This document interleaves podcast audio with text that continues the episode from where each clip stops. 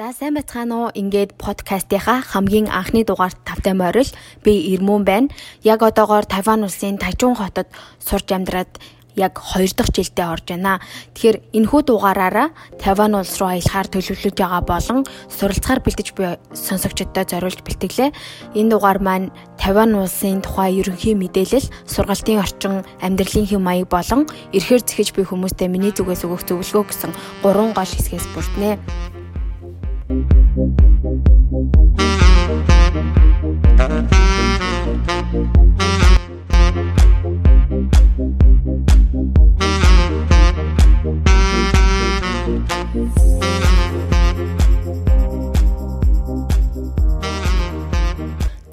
Подкаст дээр ярьж байгаа бүх мэдээ мэдээлэл маань зөвхөн миний өөрийн амьдрал амьдралын туршлагаасаа олж авсан зүйлс болон багш нараасаа сонссон зүйл за мөн интернетээс судалгаанаас уншсан зүйл байгаа шүү гэдгийг сонсогчид минь маань бас ойлгоно байх гэж бодож байна. Тэгэхээр бүх зүйлийг шууд өөр дөрөө хүлээж авалгүйгээр бас авах гэхийн ухаанаар хандаж сонсоосоо гэж хүсэж байна. Мэдээж миний харж байгаа үнцэг, миний ярьж байгаа бүхэн бас хүн болгонтой нийлэхгүй байж болно.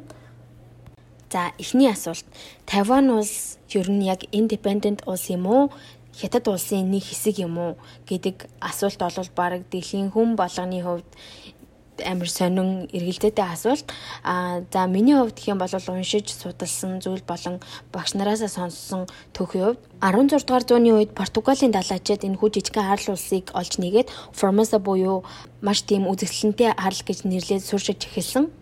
1683 онд Манч Чингүрний дарлалт 212 жил одоо дарлуулсны дараагаар 1895 онд Чин болон Японы дайны үеэр Шимоносекийн гэрээгээр Таван улс нь Японы харьяат улс болж явсан байгаа. Ерөнхийдөө бол колоничлогдсон. Тэгээд 1895-аас 1945 оны хооронд буюу 50 жилийн турш Японы харьяанд байжгаад 2 дугаар дайны дараа хятадын мэдэлд буцаад орсон байгаа.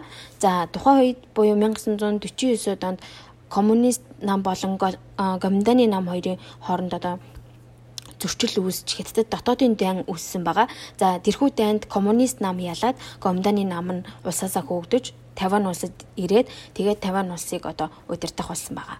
За ерөнхийдөө айгүй сайн базаад ярих юм бол түүхэн юм байгаа. За одоогийн яг нөхцөл байдал нь их юм бол хүн амын тоон 24 сая орчим аль бие осны хэл нь хятад хэл а хятад хэл дотроо яг уламжлалт хятад хэлийг Тайван улсад хэрэгэлдэг байгаа. Тэгэхээр их газрын хятад хэл буюу хэлбэрчүүлсэн ханз хятад хэлнээс арай өөр нэлээд хэцүү гэж хэлэхэд болно. Тайван улс нь өөрсдийн гэсэн засгийн газартай, өөртөө ерөнхийлөгчтэй, өөртөө цэрэг айрамтай, өөрсдийн гэсэн паспорттай дотоодын үйлдвэрлэл бол маш сайн хөгжсөн. Японы одоо эзэмшилд байх тэр он жилүүд нь Тайван улсын хамгийн их бүтээн байгуулалтын үе байсан гэдэг. Японы одоо соёл соёлын уул мөр нь бол нэлээд гүн үлдсэн гэж хэлж болно. Ахмад хүмүүс нь Японоор чөлөөтэй ярьж чаддаг. Миний харж байгаа өнцгөр бол Тайван улсыг их газрын хятадуудаа одоо жишээ зүйрлэхийн аргагүй хэл соёлын маш их зөрүү ажиглагддаг байгаа. 1971 оны хүртэл Тайван бол нэгдсэн үндэсний байгууллагын гишүүнээр Хятад улсыг төлөөлж исэн.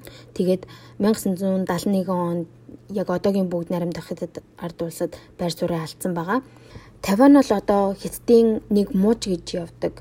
Гэхдээ өөртөө гэсэн бие даасан үндэсний мөнгөн тэмдэгттэй олон намын тогтолцоотой парламентын засаглалтай сонирхолтой факт хэлэхэд дэлхий дээрх одоо маш цөөн эмэгтэй ерөнхийлөгчтэй улсын нэг байгаа. Тэгээд 2016 онд хамгийн анхны эмэгтэй ерөнхийлөгч буюу Цай Инвэн сонгогдсон байгаа. За тэгэхээр Цай Инвэн ерөнхийлөгчийн тухайд гэх юм бол ардчилсан намаас гарч ирсэн. Тэгээд Бээжингээс буюу Хятад улсаас тусгаарлах бодлого баримталдаг. Хүн амынхын дунд судалгаа явуулахад 30% нь бол Хятад улстай нэгдэн а 30% нь бол нэгдэхгүй харин үлцэн хувь нь яхаа мэдэхгүй байна гэсэн тийм хариултыг өгч байсан гэсэн энэ нь бас надад маш сонирхолтой санагдсан. Гэхдээ миний хувьд бол энд миний уулзж байгаа Тайван найзууд болон багш нар маань тэднэрийн дунд нэгэнч хятадтай нэгдэн гэсэн бодолгүй бүгдээрээ independent улс байхыг маш ихээр хүсдэг.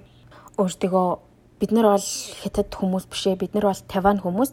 А тэгээ бидний хэл бол хятад хэл биш, Таван хэл гэж дахин дахин хэлдэг байгаа.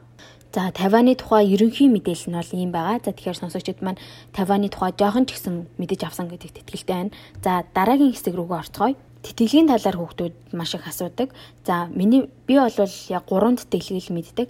А засгийн газрын тэтгэлэг, Тайваны төлөөлөгчийн газраас зарлагддаг олон улсын байгууллагын Taiwan ICDF гэсэн тэтгэлэг. За мөн Тайваны бүх сургуулиудад өөрсдийн сургуулийнхаа тэтгэлэг гэж байдаг. А миний хувьд гэх юм бол сургуулийн тэтгэлгээр сурдаг байгаа. Засгийн газрын тэтгэлэг болон бусад олон улсын байгууллагуудын тэтгэлийн талаар илүү ихийг мэдмээр байвал Монгол дахь Тайваны төлөөлөгчийн газар гэсэн Facebook хуудас болон вебсайтаар нь ороод илүү их мэдээлэл авч болон тэнд бол бүх мэдээлэл нь монголоор байж байгаа. За энэ хэсэгт хэлэх хамгийн гол зүйл нь Тайван улсад 100% тэтгэлэг 4 жилээр 100% тэтгэлэг 2 жилээр гэж шууд тийм олон жилээр тэтгэлэг өгдөггүй. Одоо оюутан семестр бүр өөрийнхөө дүн болон сургуулиас гадуурх үйл ажиллагаагаа тооцоолж хэр их одоо өндөр оноотой хэр их олон үйл ажиллагаанд орсноороо хэмжүүлж тэтгэлгээ хамгаалдаг байгаа. За цаг уур уур амьсгалын хувьд гэх юм бол дөрвөн улиралтай гэж явдаг. Нэгээс 2 дугаар сард бол нэлийн хүүтэрдэг. 3-аас 8 сарын хооронд дулаахан а гэтээ 106 7 8 сар бол нилээд халуун болдог байгаа. А 4 5 сард бол борооны уйлрал гэж явдаг. 7 хоногоор ч заримдаа бүр зогсолтгүйгээр бороо ордог байгаа. За хэрвээ аялахаар бэлтэж явах юм бол миний хувьд 9-12 сар хамгийн тохиромжтой юм шиг санагддаг. Бороо нэг их орохгүй бас нэг ч хүтэн биш, нэг ч халуун биш. Зүрлэх юм бол ерөөхдөө нэг тийм Монголын зум норхуу яг тиймэрхүү цаг агаартай байдаг хэрвээ ууланд одоо авирах дуртай болвол яг дунд хэсгээрээ бүр нилээд уулархаг 2 3 буудал яваал 2 3 буудал яваал яг уул руу гардаг тийм автобусны буудлууд байдаг. Тэгэл буугаад шууд тийшээ ууланд аваад тэгэд хотоо гой дээрээс нь харах боломжтой. За нийтийн тээврийн хувьд юм бол манай Тайчуу хотод бол метро байдаггүй дандаа автобусаар хичээлдээ явна, ажилдаа явна. Тавьян, Тайпей зэрэг томоохон хотодод бол метро байдаг. Тайчууны нийтийн тээвэр нь 100% үнэгүй. Тэгэхээр хэрвээ Тайчуунд амьдрах юм бол автобусанд ямар нэгэн мөнгө өрөхгүй гэсэн үг тэр нь бол надад маш их таалагддаг байгаа. Автобусанд чихэлтэн гэсэн ойлголт байхгүй. Хүмүүс нэг нэгэндээ эвгүүцэд тэгдэл төрүүлэхгүй тул бараг нэг нэг алхминаа занаа цан тэгж зогсдог. Тэгэхээр автобусны дотор бол ямар нэгэн хулгай зэлгий ямар нэгэн одоо бэлгийн дарамт ч юм уу те тиймэрхүү зүйл ерөөсөө болохгүй. За төгжрөл энтер гэж байдаггүй болохоор автобусны аппликейшн нь яг цагтаа цагаа зөв заадаг. Тэгээд автобус нь яг цагтаа ирдэг. А хэрвээ Google Maps дээр за тийшээ явход 30 минут байна гэх юм бол яг 30 минут илүүчгүй дутуучгүй явж хүрдэг. Тэр нь бол маш том давуу тал гэж би боддог. За аюулгүй байдлын тал дээр гэвэл би ингэж боддог.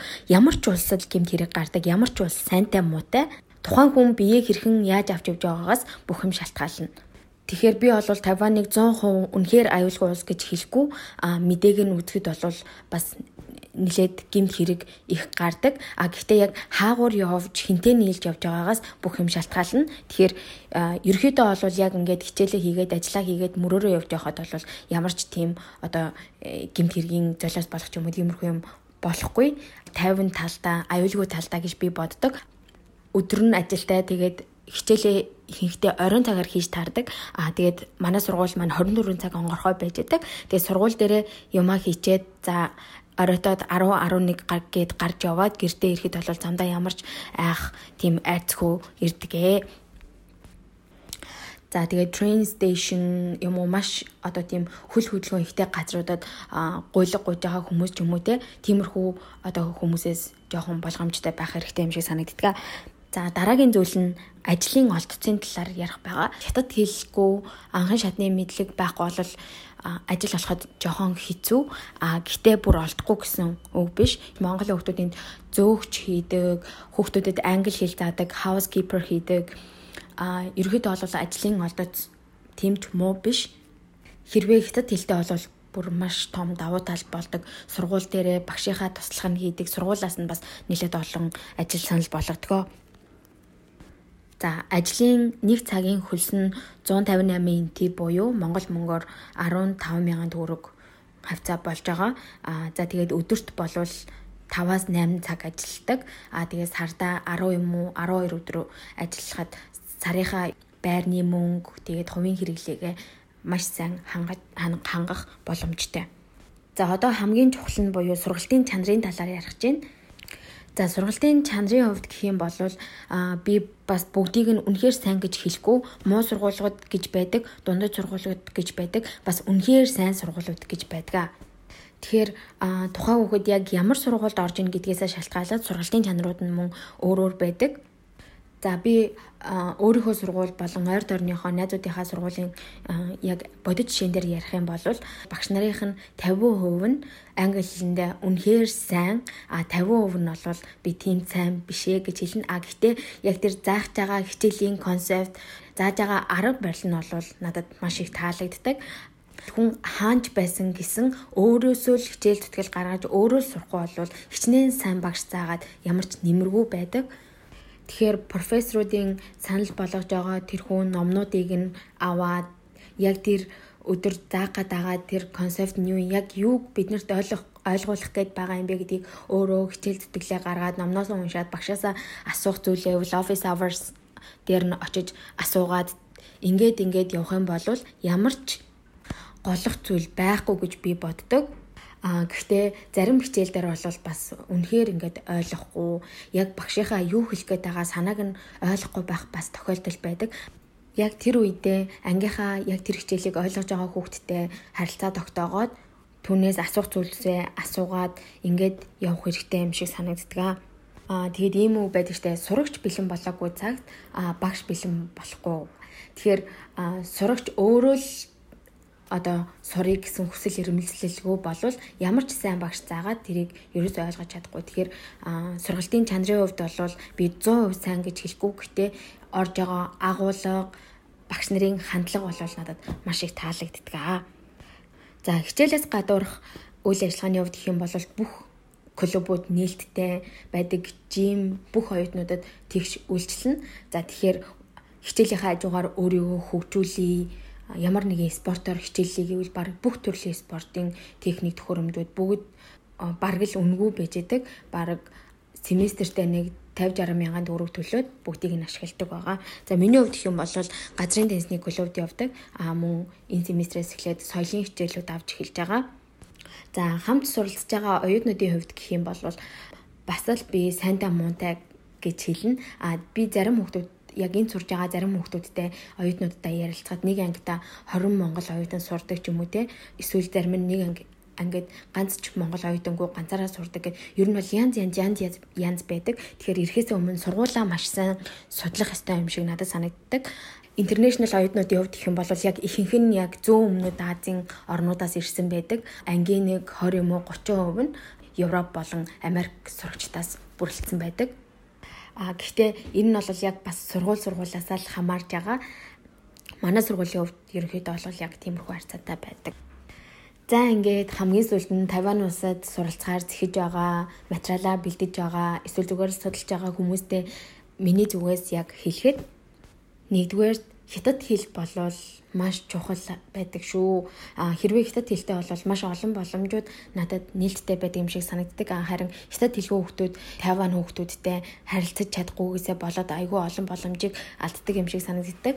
Хамгийн багадаа ядаж анхан шатны мэдлэгийг аваад ойр зур гадуур явахдаа ямар ч асуудалгүй төөрөх юм бол хүнээс зүгээ асуугаад дэлгүүр ороод өөрөө юм худалдаж аваад ямар нэгэн ресторан орох юм бол өөрөө хоолоо худалдаж аваад идчих хэмжээний тийм байх ёстой юм шиг санагддаг. Хятад хэлтэй байхад ер нь багш нар нь ч гэсэн бүр нэлээд нааштайгаар хандаж байгаагаасаа илүү найрсгаар ханддаг байгаа. Хоёрдугаар гэх юм бол эрхээсээ өмнө ирж байгаа сургуулаа, ирж байгаа хотоо маш сайн судлах хэрэгтэй. Миний бодлоор миний мэдхээр болвол энд ирж за намартаа 100 хүүхэд ирлээ гэхэд тэрнийх нь 20 юм уу 30 нь шантраад буцдаг. Яагаад тэгэхээр за энд бол 4 жилийн тэтгэлэг, 2 жилийн тэтгэлэг, 3 жилийн тэтгэлэг гэж шууд тийм тэтгэлэг байдгүй. Семестр болгон өөрөө дүнгээ сайн гаргаж иж, семестр болгон өөрөө хичээж иж дүнгээ гаргадаг. Тэгээд scholarship-ээ хамгаалдаг байгаа. Тэгээд хажуугаар нь ажил хийдэг. Тэгэхээр ерөөдөө бол өөрөөс чинь нилээд их хичээл зүтгэл гарна гэдгийг ойлгох хэрэгтэй. Дараагийнх нь гэх юм бол зуучлалын байгууллагыг болол би бүр амар буруу шаадаггүй. Яг суйртай хүүхдүүдэд үнэхээр сурыг мэдий гэсэн хүүхдүүдэд тэр байгууллагад боломж олгодог. А гэхдээ муу тал нь бол ямар ч хэлгүй, ямар ч суурьгүй зүгээр л гадагшаа явж үзье гэсэн хүүхдүүдийг зуужилж авчираад тэр хүүхдүүдийг мөнгө болон цагийг нь маш их үрж байгаа юм шиг надад санагддаг. Тэгэхээр аль болох зуучлалгүйгээр өөрөө хөөцөлдөд ирэх юм бол бас Америк, Европ болон бусад улсуудчийг тийм амар хэцүү бол биш өөрөө апплайдад ирэх бүрэн боломжтой гэдгийг хэлмээр байна. За тэгээд хамгийн сүүлд нь үнэхээр наашаа явахаар шийдсэн бүх юм нь бэлэн байгаа бол эрхээсээ өмнө сэтгэл зүйн бэлтгэл маш сайн хийх хэрэгтэй гэж зөвлөмөр нь. Яагаад гэх юм бол энд ирээд ганцаараа байна. Ганцаараа бүх зүйлийг даван туулна. Тэгэхээр яг ганцаараа байх тэрхүү сэтгэл зүйн бэлтгэлийг хийгээд ганцаараа бие дааж амьдарч сурах тэрхүү бэлтгэлийг хийгээсэ гэж хүсэж байна. За тэгээд эрэхээс өмнө маш сайн судлаарай. Ирж байгаа хотоо маш сайн судлаарай. Ирж байгаа сургуулаа маш сайн судлаарай. Зүгээр л судал судал судал гэж хэлмээр байна. Тэгэхээр тиймж амархан даваа биш нилээд хүчин чармаалт гарах маш том алхам байгаа шүү. За тэгээд ирж байгаа, ирэх гэж байгаа бүх хүмүүстээ амжилт хүсье. Тэгээд хэрвээ илүү дэлгэрэнгүй мэдээлэл авахыг хүсэж байх юм бол манай Instagram хуудсан руу бичээд одоо илүү дэлгэрэнгүй мэдээлэл надаас авч болно. Тэгээ би Instagram хуудсынхаа линкийг доор үлдээчи. За тэгээд анхны маань подкасттай маань хамт байсанд маш их баярлалаа. За тэгээд дараагийнхаа дугаараар дахин уулзлаа. Түр баяртай.